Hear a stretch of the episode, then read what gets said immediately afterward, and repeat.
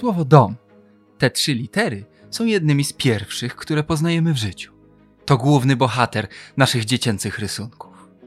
Dzień dobry. Przy mikrofonie Krzysztof Story, a wysłuchacie podcastu powszechnego. W tych rozmowach moi goście pokazują, że dom to znacznie więcej niż tylko cztery ściany. Zapraszam. Czujcie się jak u siebie w domu.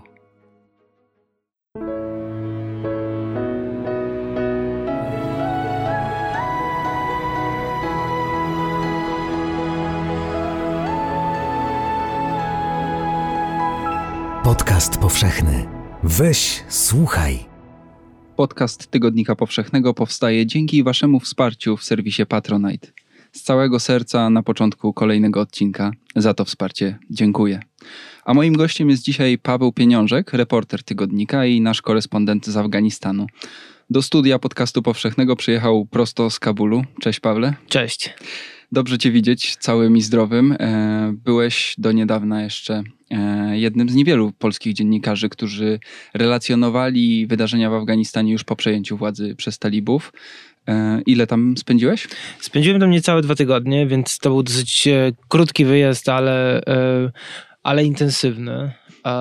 Dlatego, że Teraz też wjazd do Afganistanu jest utrudniony, w sensie nawet nie takim, żeby się dostać, e, w sensie, żeby pracować w Afganistanie, żeby przekroczyć granicę, tylko liczba tych granic, które można przekroczyć jest ograniczona, bo nie działają wciąż jeszcze samoloty, to znaczy nie da się przylecieć z innego kraju bezpośrednio do Afganistanu, więc pozostają dwie drogi, jest to przez Pakistan albo przez Uzbekistan. Ta droga przez Uzbekistan jest dużo prostsza, bo nie wymaga dodatkowych formalności i dlatego e, dziennikarze wybierają e, niemal wyłącznie tę drogę e, i przez Uzbekistan dostał się do Afganistanu. No i dalej już na miejscu ta procedura jest, e, w sensie przejście, dostanie się już jest tam e, dosyć łatwe. Podsumujmy sytuację, w której znajduje się Afganistan po 20 latach wojny i na dwa tygodnie przed wyjazdem z Afganistanu amerykańskich żołnierzy talibowie przejęli władzę w Kabulu i w zasadzie w większości, znakomitej większości kraju.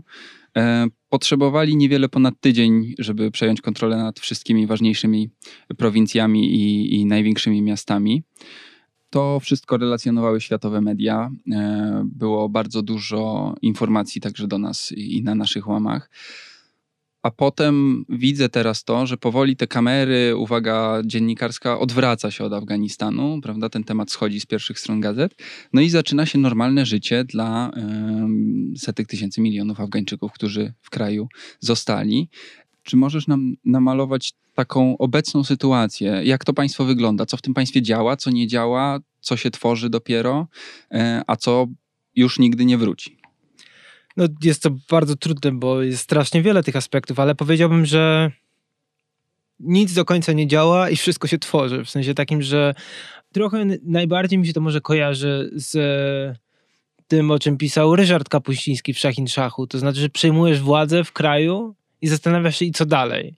E, I w pewnym sensie to z tym właśnie mierzą się teraz talibowie, którzy mają ograniczony y, dostęp do e, urzędników, e, jakichś tam specjalistów w, swoich dziedzinach, którzy mogliby, których mogliby obsadzić na poszczególnych funkcjach.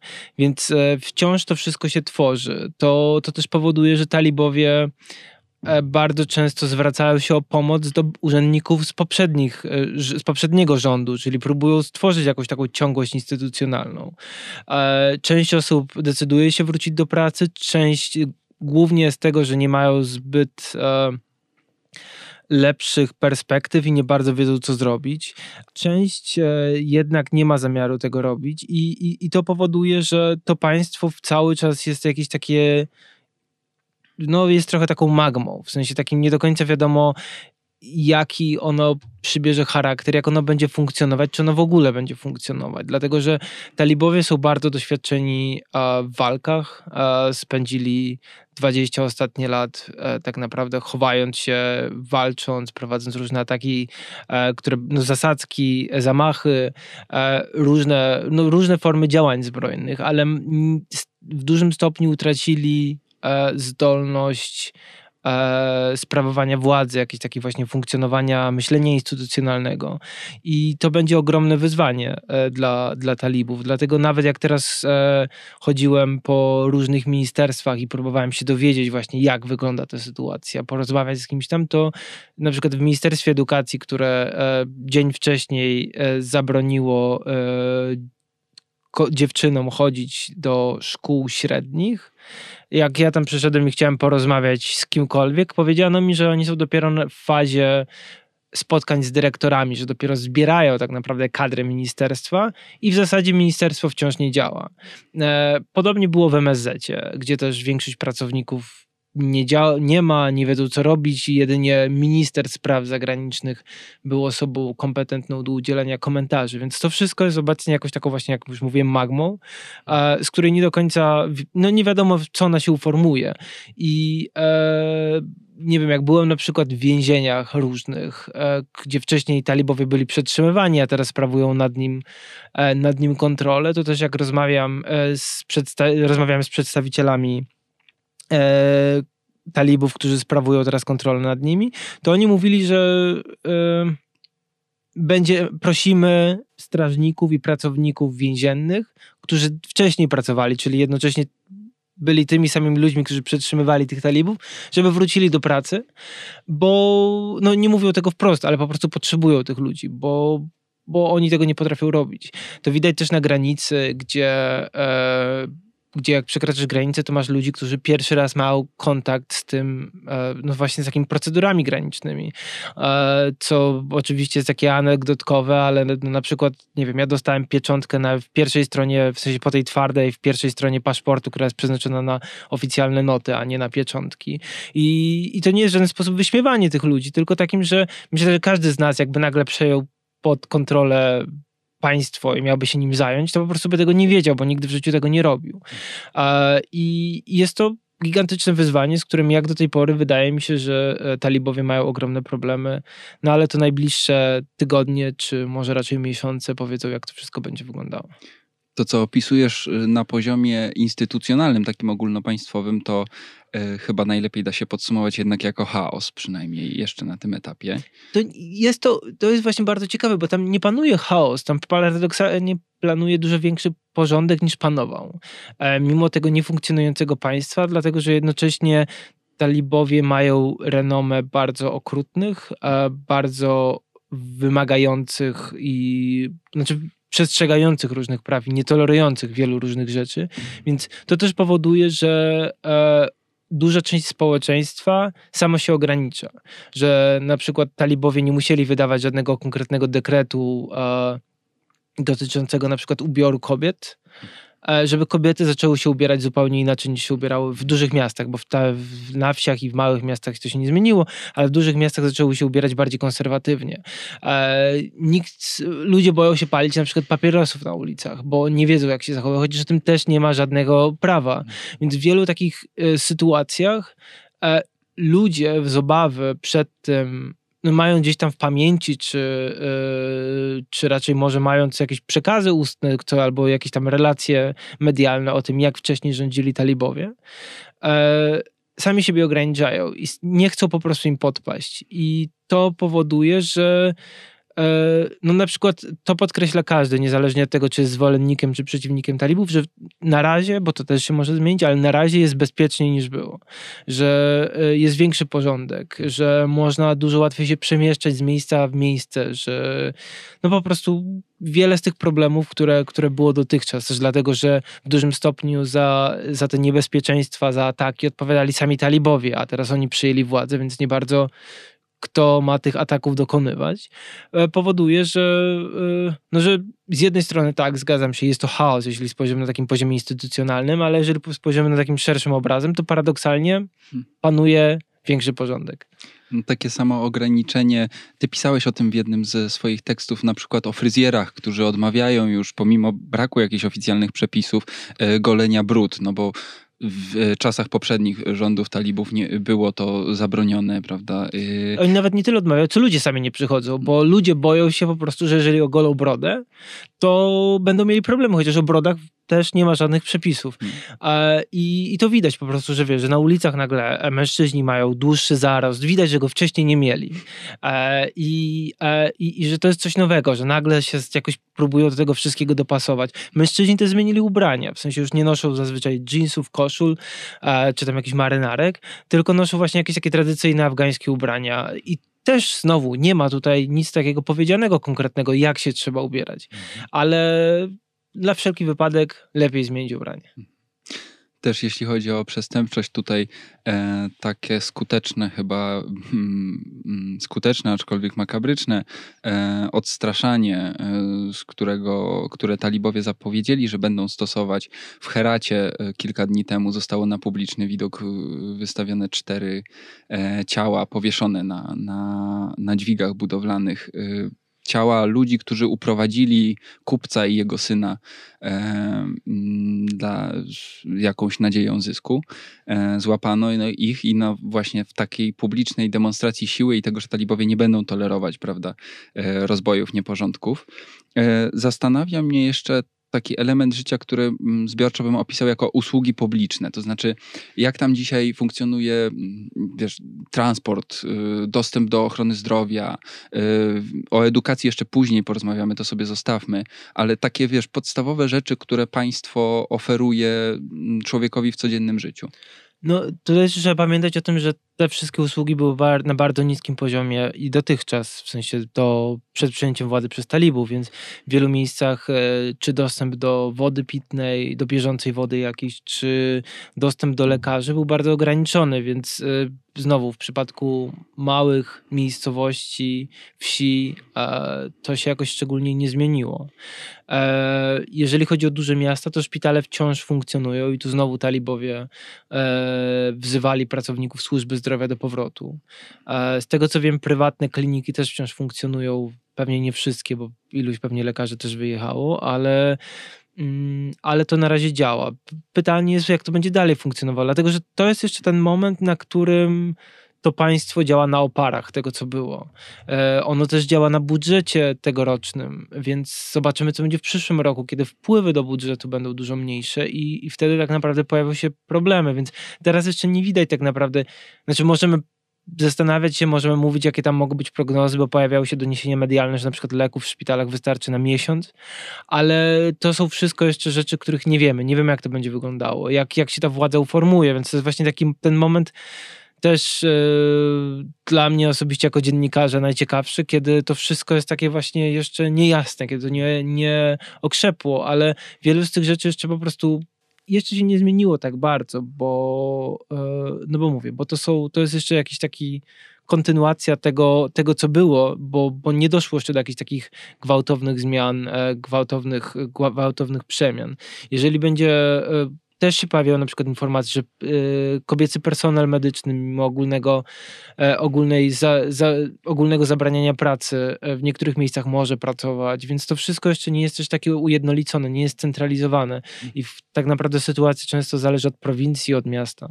Też y, talibowie nie zajmują na pewno tak radykalnego kursu, nie obierają tak radykalnego kursu, jak kiedy byli y, u władzy mm, te dwadzieścia parę lat temu. Y, też muszą mierzyć się z realiami. Na przykład mm, wspomniałeś o kobiecym personelu medycznym. No po prostu Afganistan będzie musiał się mierzyć zaraz, e, popraw mnie jeśli się mylę, ale z potężnym kryzysem demograficznym, no bo przecież kilkaset mm, tysięcy ludzi wyjechało z tego kraju. Najczęściej tych, których było na wyjazd stać lub mieli taką możliwość czyli wykształconych specjalistów, y, często współpracowników y, zachodnich sił wojskowych. Y, czy talibowie mają jakiś pomysł, jak urządzić ten kraj z taką luką po prostu po, po tych wielu tysiącach obywateli? No to jest trochę też to, o czym rozmawialiśmy na początku. To znaczy mi się wydaje, że że będą mieli z tym problem, niezależnie od tego, w sensie tak, oczywiście te osoby, które wyjechały, to jest ogromna dziura, ale dalszy problem będzie, co zrobić z tymi, którzy zostali, dlatego że to nie jest tak, że na tych listach ewakuacyjnych wyjechali wszyscy. Jeżeli pojedziesz dzisiaj do dowolnego afgańskiego miasta, to spotykasz niemal na każdym kroku ludzi, którzy pytają się o to, jak wyjechać. Albo mówią, że zaaplikowali o, o różne wizy i czekają na odpowiedzi i mają nadzieję, że to się uda. Więc y, tak naprawdę ta migracja, y, o której myślimy, ona dopiero nadejdzie. Szczególnie, że w Afganistanie wyja chęć wyjazdu z kraju deklarowała gigantyczna część społeczeństwa już od bardzo, bardzo dawna. A mm. teraz ta sytuacja no, z jednej strony pojawiła się nadzieja, bo to też jest w tym wszystkim ważne. To znaczy, państwa zagraniczne powiedziały nareszcie bierzemy was, bo e, jak dobrze pamiętam, to afgański paszport w tym wskaźniku paszportów zajmował, to był najsłabszy paszport, paszport ze wszystkich, dawał ci najmniej przywilejów. Więc w momencie, kiedy pojawiła się okazja, żeby wyjechać, teraz wszyscy próbują to robić i, i naprawdę, no trudno mi powiedzieć tutaj jakiejś takiej skali kraju, no bo byłem teraz raptem w czterech prowincjach, ale mnóstwo ludzi, gdzie nie spotkasz, mówi o tym, że chciałoby wyjechać, y, wyjechać z kraju. Więc ja myślę, że jak. Y, I to też nie jest nic jakiegoś takiego unikalnego, dlatego czy że... ta chęć dotyczy tylko miast, czy też mniejszych y, miejscowości wsi? Powiedziałbym, że głównie miast, e, ale nie tylko. I w sensie takim, że spotkać ludzi, którzy chcą, chcą żeby wy, chcą wyjechać, e, można spotkać wszędzie. E, najwięcej takich osób spotkałem, spotkałem w miastach, ale też tam najwięcej czasu spędziłem, dlatego nie powiedziałbym, że to jest jakiś taki reprezentatywny wymiernik, który mogę, e, który mogę tutaj podać, czy tam jakieś konkretne dane. E, no mówię, to nie jest jakaś taka unikalna rzecz, że po jakimś wydarzeniu gwałtownym, po jakiejś właśnie zmianie władzy takiej na wpół rewolucyjnej, czy na jakiś właśnie w wyniku konfliktu zbrojnego, ta fala emigracyjna, ludzie, którzy chcą po prostu wyjechać, ta liczba osób wzrasta dopiero po jakimś czasie, dlatego że pojawiają się właśnie kryzysy gospodarcze. Teraz jak na przykład mówimy o tym, że talibowie są stosunkowo w porządku w porównaniu do tego, co robili w latach 90., to my też tego jeszcze nie wiemy. To znaczy, talibowie czasami e, w rozmowach takich prywatnych mówią, że my rozumiemy, że teraz cały świat patrzy na nas, więc jesteśmy spokojni, wstrzemięźliwi, ale jak świat się odwróci, świat przestanie się nam przyglądać, uzna nas, to będziemy robić, co tylko będziemy chcieli. I to nie jest znowu, to nie jest żadna oficjalna pozycja przedstawicieli władz, ale jakichś lokalnych dowódców, którzy coś takiego mówią. Więc e, wciąż to wszystko może przybrać zupełnie inne kształty, a to też będzie doprowadzało, że kryzys się będzie nasilał, że będą na przykład większe represje, co spowoduje, że jeszcze więcej osób będzie chciało wyjechać. Więc yy, tutaj ta, ta, ta sytuacja może się rozwijać w bardzo, w bardzo wielu kierunkach. No i, i znowu, jest to po prostu zbyt świeża sytuacja, żeby jakoś tak dać temu jednoznaczną ocenę, ale zdecydowanie ten jakiś taki potencjał migracyjny jest ogromny w Afganistanie.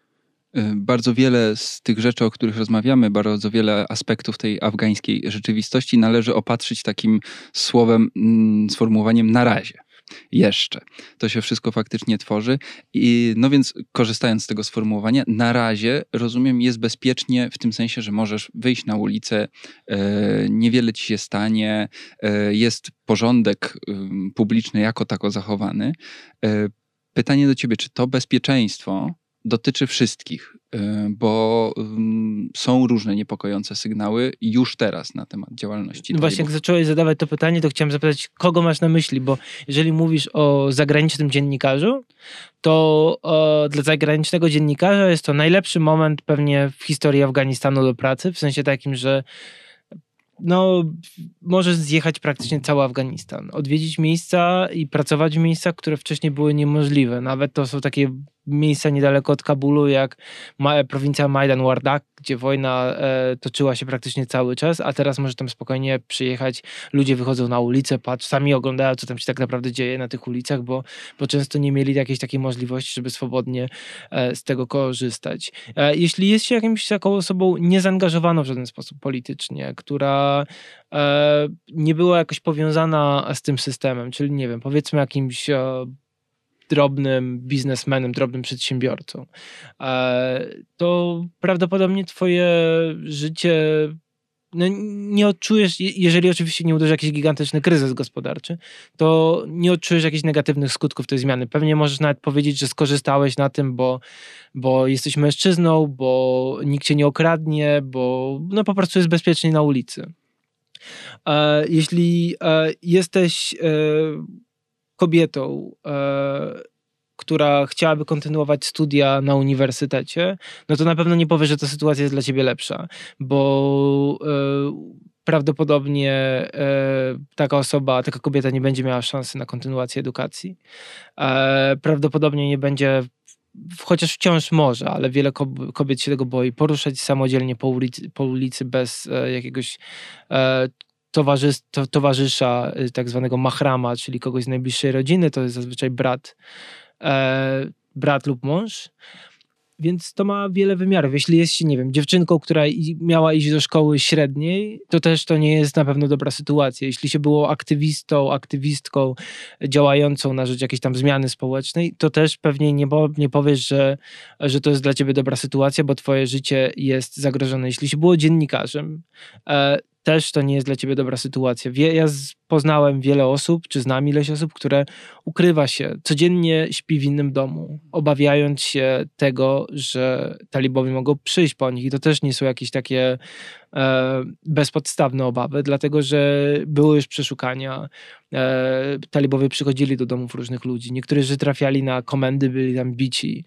E, więc też jeśli się jest na przykład e, tłumaczem e, lub współpracownikiem wojsk zagranicznych, które się wycofały, bo nie wszystkich ewakuowano przecież. Wiele osób z list e, nie wyjechało z kraju, więc wciąż ta liczba osób zagrożonych jest, więc nie ma tutaj jakiejś takiej jednej kategorii tego e, bezpieczeństwa. W sensie dla niektórych tak, niektórzy na tym skorzystają i powiedziałbym, że dla tak zwanych przeciętnych ludzi, czyli takich, którzy po prostu starają się jakoś tam funkcjonować, jest bezpieczniej, oni nie będą niepokojeni przez, przez talibów, ale dla tych, którzy chcieli jakoś ten kraj zmieniać, chcieli na niego, o, no chcieli, żeby po prostu działali na rzecz jego zmiany, to sytuacja wygląda dużo gorzej. I ci ludzie y, prawdopodobnie też będą starali się wyjechać albo już czynią ku temu wysiłki, y, żeby opuścić kraj y, w najbliższym czasie. E, dwie takie osoby, zresztą współpracownicy Tygodnika Powszechnego, już e, dzięki między innymi Twojej pomocy e, dotarły do Krakowa Alisher Shahir i Masuma Sultani. Dziennikarze, aktywiści, współpracownicy Tygodnika Powszechnego. No właśnie, gdyby zostali w Afganistanie, no to pewnie ich sytuacja nie byłaby za ciekawa. Ja mam tylko takie jedno sprostowanie chyba do Twojej wypowiedzi, bo powiedziałeś, że dla średniego człowieka, takiego zwykłego człowieka, być może jest y, przynajmniej na razie ta sytuacja lepsza niż była, spokojniejsza. Y, tutaj mm, z takim zastrzeżeniem, że z, z pojęcia średniego, zwykłego człowieka wykluczamy kobiety. Tak, tak, oczywiście. W sensie, no też e, pewnie jeżeli jest się kobietą, która cały czas e, nie miała dostępu do edukacji i mieszka się na wsi czy w małym miejscu i chodzi, całe życie chodziło się w burce, to nie jest jakaś ogromna zmiana, bo nic się nie zmieniło, bo też pamiętajmy o tym, że te różnice między dużymi miastami a wsiami i małymi miastami są gigantyczne. I to, to jest trochę podobna sytuacja, jak była zresztą e, za czasów e, rządów komunistycznych w Afganistanie, to znaczy, że to były wyspy tych zmian. E, a poza, poza tymi wyspami sytuacja tak gwałtownie się nie zmieniała, więc wiele z tych kobiet tak naprawdę nie odczuje różnicy, bo żyły w tak samo tradycyjnych i konserwatywnych e, środowiskach. I to też jeszcze jedno jest tu zastrzeżenie, które gdzieś tam wspomniałem, ale teraz jeszcze podkreślę. E, to znaczy, ta sytuacja nie ulegnie jakiemuś pogorszeniu, jeśli nie uderzy kryzys gospodarczy. On prawdopodobnie uderzy, dlatego że e, wiele środków e, afgańskich jest zamrożonych. E, tak naprawdę znowu, jeżeli mówiliśmy o tych oparach poprzedniej władzy, no to i to też wspominałem o budżecie, że budżet jest wciąż tegoroczny, co będzie w przyszłym roku. Już teraz ludzie nie wydają pieniędzy, bogaci, zamożniejsi ludzie wyjechali z kraju, bo to nie tylko była ewakuacja, to byli ci, którzy jeszcze wcześniej wyjechali, nim się tak naprawdę ewakuacja rozkręciła na dobre i były loty komercyjne, więc po prostu się spakowali, wywieźli pieniądze pieniądze.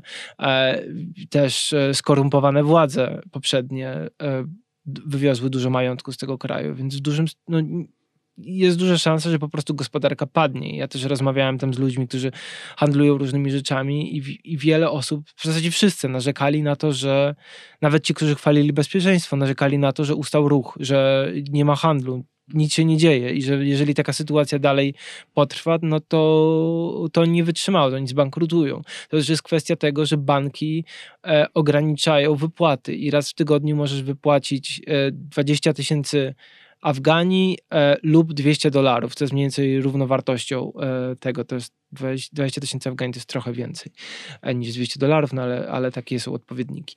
E, znowu, dla zwykłego człowieka to jest bardzo dużo, bo za 200 dolarów osoba na wsi może tam przetrwać miesiąc czy dwa nawet z rodziną. To jeżeli jest się jakimś tam, powiedzmy już nawet średnim przedsiębiorcą i chce się coś, jakieś większe operacje gotówkowe robić, to nic z tym nie zrobisz. I to powoduje, że całe gałęzie gospodarki teraz są na wykończeniu. I jeżeli to potrwa jeszcze tygodniami, no to po prostu załamie się, e, załamie się cała gospodarka.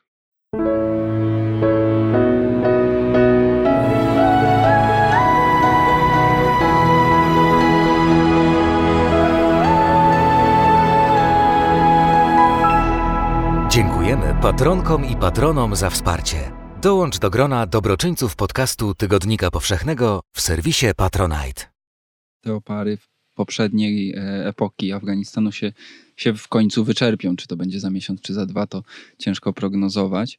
E, wspominałeś o takim lęku ekonomicznym. Powiedz więcej o nastrojach e, wśród społeczeństwa Afganistanu, bo to są po części ludzie, którzy pamiętają lata 90. i poprzednie bardzo radykalne rządy talibów, no ale też przez 20 lat w Afganistanie wyrosło całe pokolenie młodych ludzi, którzy nie pamiętają tego, którzy pamiętają tylko rzeczywistość Afganistanu pod y, rządami Amerykanów de facto. No tak, ale znowu stworzenie jakiegoś takiego jednego portretu jest bardzo trudne, no bo to są bardzo różne perspektywy. I znowu jest ta miejska e, też, nie wiem, ludzi bardziej uprzywilejowanych, powiedzmy to, którzy wychodzą z bogatszych rodzin, więc ci ludzie mają oczywiście dużo więcej do stracenia. Ogólnie jest, tak, jest cała grupa ludzi. Ja zresztą pisałem do tygodnika tuż przed tym, jak Kabul został zajęty, e, o pokoleniu 2001, czyli właśnie o, o dwudziestolatkach, którzy wyrośli e, w Kabulu, znaczy tak, którzy nie są z Kabulu, ale wyrośli z Kabulu, e, wyrośli w Kabulu, przepraszam, i, i dla nich ta rzeczywistość, która teraz nadeszła, jest zupełnie czymś niezrozumiałym. Jest czymś, e, co oni znali z opowieści. Oni nigdy tego nie doświadczyli, e, bo nie mieli jak. E, bardzo często nie widzieli Taliban na własne oczy. Więc dla nich jest to dramat. Dla nich oni bardzo często powtarzają przedstawiciele tej grupy, że po prostu ich marzenia zostały rozbite w pył, że nie mają przyszłości, nie wiedzą co robić. Bardzo często oni po prostu spędzają czas w domu albo gdzieś tam wyjdą tylko od czasu do czasu, ale ogólnie są w jakimś takim stanie zawieszenia. E, jest mnóstwo ludzi, którzy doceniają to, że jest bezpieczniej, co znowu tu się powtórzę, ale to jest bardzo ważny czynnik no, w kraju, gdzie cały czas tak naprawdę trwa wojna od czterech dekad, od ponad czterech dekad. Każdy moment wytchnienia jest e, przyjmowany z ogromnym entuzjazmem. E, więc wiele osób ma nadzieję, że nareszcie nastał koniec wojny. Czy to będzie prawda, tego nie wiemy, ale dla jakiejś części społeczeństwa bezpieczeństwo jest wartością kluczową, w sensie takim, że są gotowi wyrzec się iluś wolności e, na rzecz większego bezpieczeństwa. Co nie jest znowu jakąś rzeczą e, unikalną dla Afganistanu, bo jest to ogólna tendencja na świecie, gdzie masz ten konflikt między wolnością a bezpieczeństwem. E, masz też zresztą samych talibów, którzy którzy to są często młodzi ludzie, którzy wyrośli na polach walk, na polach bitew, którzy dorastali w bardzo trudnych warunkach, e, bo oni się ukrywali w górach, walczyli tam. E, spotykali się e, z ogromną przemocą, dlatego że jednak były wobec nich stosowane najbardziej wyszukane formy broni. Oni się ciągle ukrywali przed dronami. Oni nie mieli w zasadzie możliwości, żeby doświadczyć swojego jakiego, jakiegokolwiek życia innego niż walka. Znaczy, rozumienie siły broni jest dla nich jakieś kluczowe, dlatego że tylko to była, było tą formą, z którą się spotykali. To są też ludzie, którzy jednak byli bardzo często spotykali się z jakimiś represjami.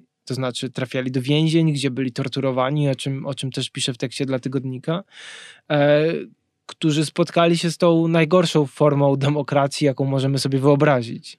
Czyli trafienie do więzienia w amerykańskiej bazie wojskowej, gdzie nie obowiązuje ciebie żadne prawo, gdzie jesteś, nie masz szansy na ochronę prawnika kogokolwiek, jesteś po prostu zdany na łaskę oprawcy. E, oni, ja nie chcę tutaj jakoś empatyzować, szczególnie mówić, że e, talibowie, którzy, nie wiem, ileś osób zabili i odpowiadają za, za wiele strasznych zamachów, e, są wszyscy super i powinniśmy e, i, i, trzeba na nich po prostu patrzeć jakoś tam wyrozumiałością, ale, ale spotkały ich też okropne rzeczy. Więc oni też mają takie poczucie, że nagle no, próbują odnaleźć się w tym wszystkim, co widać często po jakichś takich komicznych scenach, jak właśnie talibowie trafiają do miast, w których nigdy nie byli, bo też pamiętajmy, że talibowie nie rządzili w miastach tak naprawdę, oni rządzili właśnie na terytoriach wiejskich, jakichś małych miastach, właśnie w tych bardzo trudnych warunkach, a teraz nagle trafili do miast, których oni też nie znają, bo niektórzy ci talibowie mają po 20 kilka lat i pierwszy raz, czy tam 19, 20, 16. Oni pierwszy raz w życiu widzą Kabul. E, duże miasto, gdzie, gdzie dzieją się jakieś takie rzeczy, więc to są to jakieś takie były e, pewnie kojarzyć i Państwo, którzy słuchają, też kojarzą te zdjęcia wszystkie talibów, gdzie oni jedzą lody, gdzie są na, e, na karuzelach, gdzie pływają w jakichś takich łódkach wyglądających jak kaczki. E, i, I po prostu zachowują się, czy tam przychodzą na siłownię i nie wiedzą, co na niej robić. I wyglądają trochę jak dzieci, ale to, to właśnie jest przykład tego, że to są ludzie, którzy po prostu całe życie spędzili w górach, którzy spędzili całe życie w trudnych warunkach. Czy tam w górach, na polach, no po prostu, po prostu poza miastami, poza jakąś tam, nazwijmy to, cywilizacją. To powoduje, że oni też się próbują w tym wszystkim odnaleźć, też się czują z tym obcy, więc ja tutaj nie mówię już o jakichś takich tych wysokim dowództwie talibów, ale o tych przeciętnych, przeciętnych talibach, którzy, którzy też w tym wszystkim więc to też jest zupełnie inna grupa, o której często zapominamy mówiąc o Afganistanie. Ich też jest ileś tysięcy, nawet dokładnie nie wiemy ile ich jest. Właśnie miałem cię pytać o to, jak liczna to jest grupa. E, czy jesteś w stanie to oszacować? Nie, w sensie mówiło chyba o kilkunastu tysiącach, czy tam kilkudziesięciu, nie pamiętam teraz z głowy, ale to nie są duże liczby i e, też biorąc pod uwagę, że z taką łatwością poradzili sobie z dużo liczniejszą armią afgańską i siłami bezpieczeństwa. Też pokazuje, to nie pokazuje o ich jakichś tam zdolnościach bojowych, a raczej po prostu o motywacji mhm. e, co do tej walki. Ale, ale no to też jest ogromna, znaczy jest to jakaś część społeczeństwa, która też jest tutaj e, brana pod uwagę. I to właśnie, znaczy plus tego wszystkiego jest taki, e, co daje jakąkolwiek nadzieję i to jest to, że wszyscy tam są Afgańczykami, że należą do jednej wspólnoty, a przez to dużo łatwiej się dogadać. I widać, że ci ludzie ze sobą rozmawiają i próbują się komunikować, a jednak to jest zawsze jakaś taka nikła nadzieja. Jeśli miałbym powiedzieć, że gdzieś tu widzę optymizm, to właśnie w tym, że że udaje mi się znaleźć wspólny język jakiś, że oni siebie nie rozumieją do końca, że wyrośli zupełnie czymś innym, ale mają coś, co ich też łączy, że nie są to mm, jakieś wrogie frakcje z różnych państw, I dopóki, e, dopóki jakieś zagraniczne państwa, jak w przypadku talibów, na przykład Pakistan, nie będą bardzo ingerowały w, w sytuację wewnątrz kraju, to jest szansa, że tym stronom uda się ze sobą e, jakoś tam porozumieć e, i z, może nawet znaleźć jakiś tego wszystkiego konsensus. No bo jeżeli ostatecznie a talibowie raczej w tym sensie są nacjonalistami, że myślą o państwie jako Afganistanie, oni nie mają jakichś ambicji ogromnych, ponadterytorialnych, e, przynajmniej w większości, bo tam też się pojawiają różne odłamy. To też myślisz o państwie, myślisz o jakiejś wspólnocie i, i przez to łatwiej spojrzeć na siebie, łatwiej ze sobą znaleźć wspólny dialog, więc mam nadzieję, że, e, no, że, że może z tego, z tego coś wyniknie i uda się znaleźć między tymi, którzy talibów nie chcą, nie pożądają, a samymi talibami, e, żeby jakoś ze sobą porozmawiać, bo no to jest jedyna szansa, żeby zakończyć jakikolwiek konflikt, to żeby zacząć rozmawiać w najnowszym numerze Tygodnika Powszechnego w kioskach od 29 y, września y, jest Twój tekst, y, który jest zapisem wizyty w bardzo szczególnym miejscu. Zatytułowałeś go Talibowie z afgańskiego Guantanamo. I to jest wizyta w dawnej już bazie Bagram, czyli centrali amerykańskiego dowództwa w Afganistanie, no i jednym z potężnych więzień. W szczytowym momencie tam było przetrzymywane nawet 5 tysięcy ludzi. I to, to są właśnie talibowie, których przed chwilą opisałeś. Nie, nie empatyzując z nimi, bo ty też piszesz o tym, że to nie są niewinni ludzie e, najczęściej, natomiast oni byli przez lata często przetrzymywani bez dostępu do procesu, do wyroku, to już w ogóle bez dostępu do prawnika w mm, strasznych warunkach, więc te rachunki krzywd w Afganistanie są bardzo niewyrównane. Nie wiem, czy będziesz chciał prognozować, ale czy talibowie y, bardziej pójdą w stronę jakiegoś pojednania, czy to będzie jednak władza napędzana taką chęcią odwetu, chęcią yy, wiesz, zrewanżowania się, no zemsty po prostu za, za, za to, co wycierpieli. Czy zasłużenie, czy nie, to już nie ma y, tutaj chyba wielkiego znaczenia. No, na razie możemy użyć naszego klucza e, w naszej dzisiejszej rozmowie, czyli na razie e, talibowie deklarują szeroko zakrojoną politykę przebaczenia. I też oni sobie zdały sprawę z tego, że nie wszyscy się podporządkowują, bo dochodziło tam do jakichś aktów e, rewanżyzmu i tak dalej. I, ale te władze talibskie nawołują do tego, żeby nie rewanżować się nikomu, żeby za wszelkie, odpuścić wszelkich krzywd, dlatego że e, no, taką, taką przyjęli po prostu strategię.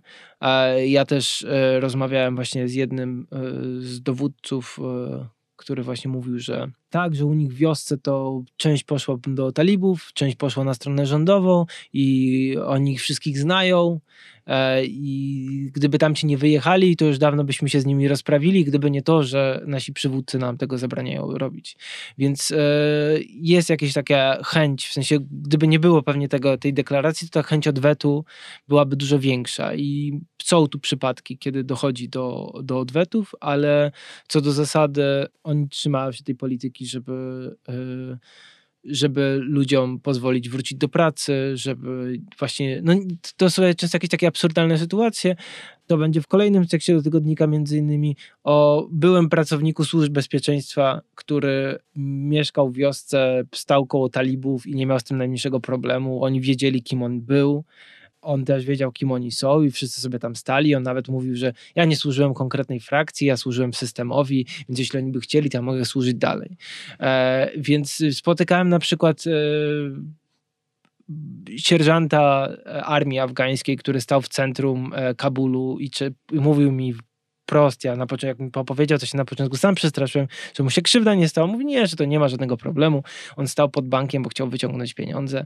E, więc... E, wydaje się, że znowu na razie e, wiele z tych osób, jeśli szczególnie jakoś sobie e, nie zasłużyło, nie spotykają ich represje za to, za to co robili. Je, ale mówię, to się może w każdej chwili zmienić. Jest to taki moment e, dalej tego takiej niejasności i, i to też jest pytanie, czy oni będą chcieli to potem wykorzystać, żeby powiedzieć, no dobra, przyznajcie się teraz, albo po prostu dać im moment, żeby sobie żeby po prostu poczuli się pewniej, a potem po prostu zgarną ich wszystkich, jak nie będą się ukrywali. Więc y, po prostu tego nie wiadomo. Wciąż, wciąż to są jakieś takie e, niejasne rzeczy, ale, ale jak na tę porę znaczna część ludzi nie spotyka się z prześladowaniami za to, co robiła dotychczas. Boisz się tego, że jak uwaga mediów i całego świata się od Afganistanu odwróci, to to będzie taki sygnał dla talibów, że już można, że już można sobie e, wziąć odwet, no bo część też dowództwa talibskiego, no to są ludzie, którzy pamiętają i tworzyli rządy w latach 90. Tak? Obecny minister e, więziennictwa e, Nuruddin Turabi to jest człowiek, który w latach 90. był szefem obyczajowej policji Afganistanu, mhm. która wtedy podlegała Ministerstwu Wspierania Cnoty i Walki z Występkiem bazując już na przykładzie tego konkretnego człowieka, no to jest ten człowiek, którego, dowodzona przez którego organizacja, wiesz, kazała rekwirować telefony, telewizory, pilnowała długości brud, była takim bardzo dużym aparatem represji. Czy ten człowiek się zmienił przez 20 lat? No, ja rozmawiałem z Trudinem Turabim, a, ale trudno powiedzieć, że się zmienił, bo nie znałem go wtedy i teraz spotkałem go tylko krótko, ale no on, on deklarował, że oni dalej będą obcinać ręce i to on sam mi o tym powiedział w rozmowie, nie bez mojego pytania. E, mówią, że będą, będą obcinać ręce, bo uważają, że to jest skuteczny model e, kary. Więc jakaś forma, w sensie takie brutalne rozprawianie się z przestępczością, na pewno to będzie. Na ile oni się zmienili, nie wiadomo. No, w sensie takim, że to jest jeden z elementów, który jeszcze wciąż nie pozwala powiedzieć o jakiejś takiej e, większej całości. To też jest pytanie, na ile oni się zmienią pod wpływem rozumienia sytuacji. I znowu wracając tutaj o, tego, o to, że budżet Afganistanu nigdy w 100% nie składał, nie składał się w całość bez wsparcia zagranicznego. E, tam bardzo różne dane się pojawiają, że nawet do połowy e, afgańskiej, afgańskiego budżetu stanowiły środki zagraniczne. Teraz ich nie ma i prawdopodobnie ich nie będzie. I co w takiej sytuacji? Czy talibowie będą na tyle skłonni, żeby nie pozwalać dziewczynom chodzić do szkół, a kobietom na uniwersytety, jeśli od tego będzie zależała pomoc? Możliwe, że będą, możliwe, że nie. No, trudno powiedzieć o tym teraz po prostu. Nie wiemy tego, e, bo jedno to jest posiadanie e, jakichś tam przekonań, wyobrażeń, a drugie no to jest realne przejęcie władzy w kraju, bo, bo to jest już zupełnie inna sytuacja. To nie jest jakieś kilka wiosek, czy nawet kilkaset wiosek w skali kraju, gdzie możesz coś zabronić, coś zrobić. No teraz jednak odpowiadasz za wszystko, za całą strukturę państwową, co jest dużo większą odpowiedzialnością i jest dużo trudniejsze, jest dużo bardziej złożone. Więc e, po prostu, no też chęć tego, że talibowie chcą być uznani na świecie, też ma tutaj ogromny wpływ, no bo wiadomo, że wspólnota międzynarodowa e, będzie wymagała jakiegoś respektowania e, tych wszystkich podstawowych praw i tutaj właśnie ta edukacja kobiet, y, czy dziewczyn i kobiet jest bardzo istotna. E, więc e, pytanie, czy oni się ugną pod tym, czy się nie ugną, więc, bo to też będzie kolejne. W sensie oni się mogli nie zmienić, ale czy się nie zmienią w ciągu następnych kilku tygodni czy miesięcy? Zobaczymy. W kwestii praw kobiet, o której wspomniałeś, e, wykonano pierwsze takie bardzo niepokojące gesty, choćby to, że dzisiejsza siedziba Ministerstwa Wspierania Cnoty i Walki z Występkiem. E, to jest do niedawna jeszcze był budynek e, Ministerstwa od Spraw Kobiet. E, jak dzisiaj wygląda na ten moment sytuacja kobiet w Afganistanie? Pytam tutaj zwłaszcza o dostęp do edukacji, no bo tutaj chyba zaszły największe zmiany i najbardziej elektryzujące opinie No tak, publiczne. no to są zmiany są tu dosyć konkretne w sensie takim, że dziewczyny nie mogą chodzić do szkół średnich. Jeśli chodzi o uniwersytety, to uniwersytety państwowe wciąż jeszcze nie są otwarte, ale e, wszystkie sygnały, które wskazują, e, są takie, że nie będą mogły się tam uczyć e, kobiety. No i też są uniwersytety prywatne, które jakoś tak próbują tę sytuację jakoś znaleźć tutaj złoty środek, to znaczy rozdzielają parawanem na przykład sale wykładowe i po jednej stronie siedzą mężczyźni, a po drugiej kobiety, ale no to i tak, no i tutaj jeżeli chodzi o uniwersytety publiczne i też e, zresztą szkoły średnie, no to talibowie deklarują, że to jest sytuacja tymczasowa, że to wiąże się e, z bezpieczeństwem i że na razie nie mogą zapewnić, e, zapewnić kobietom i dziewczynom edukacji, ale to się zmieni. No tylko, że jak rządzili w latach 90., to też mówili to samo i ostatecznie się to nie zmieniło. No więc, więc tutaj właśnie ta kwestia edukacji dla kobiet i dziewczyn jest najbardziej e, niepokojąca, ale też jeszcze cały czas brakuje tutaj konkretów. Bardzo często to same kobiety e, na przykład już nie poszły w tym roku na studia, albo nie kontynuowały, albo się nie zapisały, bo e, czy nawet nie poszły na kursy, bo też były takie przypadki jakieś tam językowe, czy jakieś takie dokształcające, bo twierdziły, że i tak im się nie uda tego dokończyć, bo talibowie im tego nie dadzą zrobić. Więc znowu tu działa ten taki wielomo, wielo poziomowy proces, czyli z jednej strony są to e, ograniczenia talibów, z drugiej strony są samo ograniczenia społeczne, więc e, no, obawiam się, że, że e, chociaż jak mówiłem tutaj, talibowie mogą się uginać, ale to jednak te ograniczenia dotyczące, dotyczące kobiet będą najbardziej, znaczy kobiety najbardziej odczują te zmiany rządów. W jakiejś formie na pewno nie będą cieszyły się takimi swobodami, jak cieszyły się dotychczas, też tutaj trzeba pamiętać jednak o tym, że przez te 20 lat, mimo że zaszło do ogromnych zmian, to jednak to Afganistan nigdy nie był rajem dla kobiet i zawsze one żyły w tam, znaczy miały bardzo ograniczony dostęp do, do, no, też do edukacji, do, no, nie cieszyły się na pewno takimi samymi prawami jak mężczyźni. Afganistan był z jednym z najgorszych krajów do bycia kobietą na świecie. I teraz ta sytuacja pewnie e, jeszcze się pogorszy. Mówiłeś o edukacji na poziomie średnim i uniwersyteckim, a co z y, podstawowym? Ono jest, tylko po prostu talibowie powiedzieli, że nie może być koedukacji, co też może być jakimś tam wyzwaniem, bo e, nie wszędzie będzie można sobie pozwolić, żeby znaleźć oddzielne pomieszczenia, znaleźć kadrę e, kobiecą, która będzie mogła... Bo, bo, bo rozumiem, że klasę kobiecą musi uczyć kobieta. Tak, tak, tak.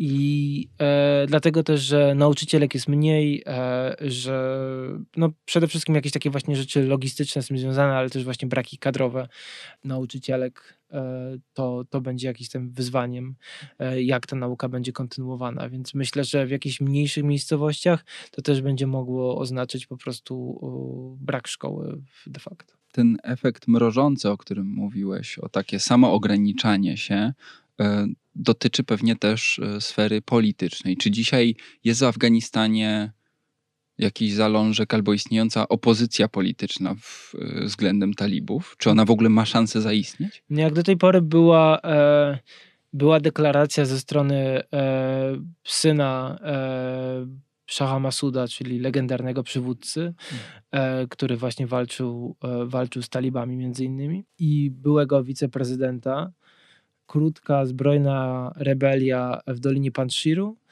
e, ale jak na ten moment wydaje się, że ona jest stłumiona. E, I możliwe, że tam toczą się jeszcze jakieś pojedyncze e, starcia, ale to już nie jest nic, co by, co by mogło jakkolwiek zagrozić talibom, czy zapowiadać na jakąś większą eskalację.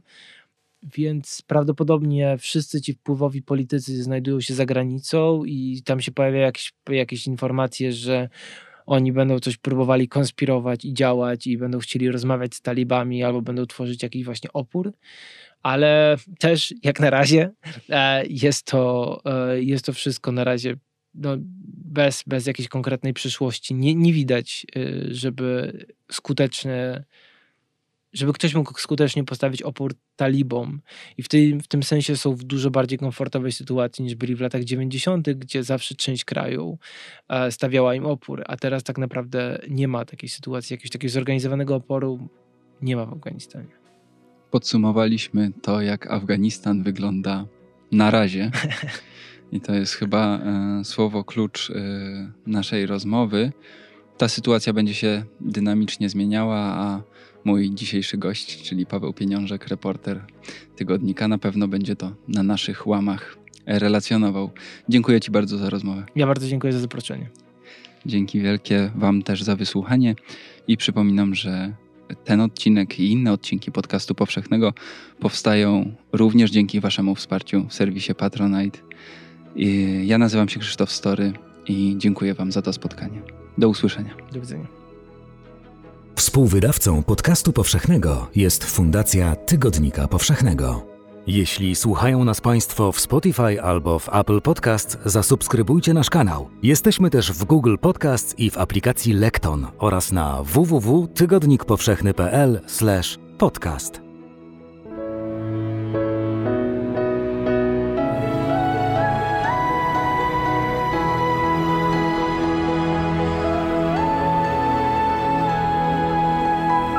Podcast powszechny. Weź, słuchaj.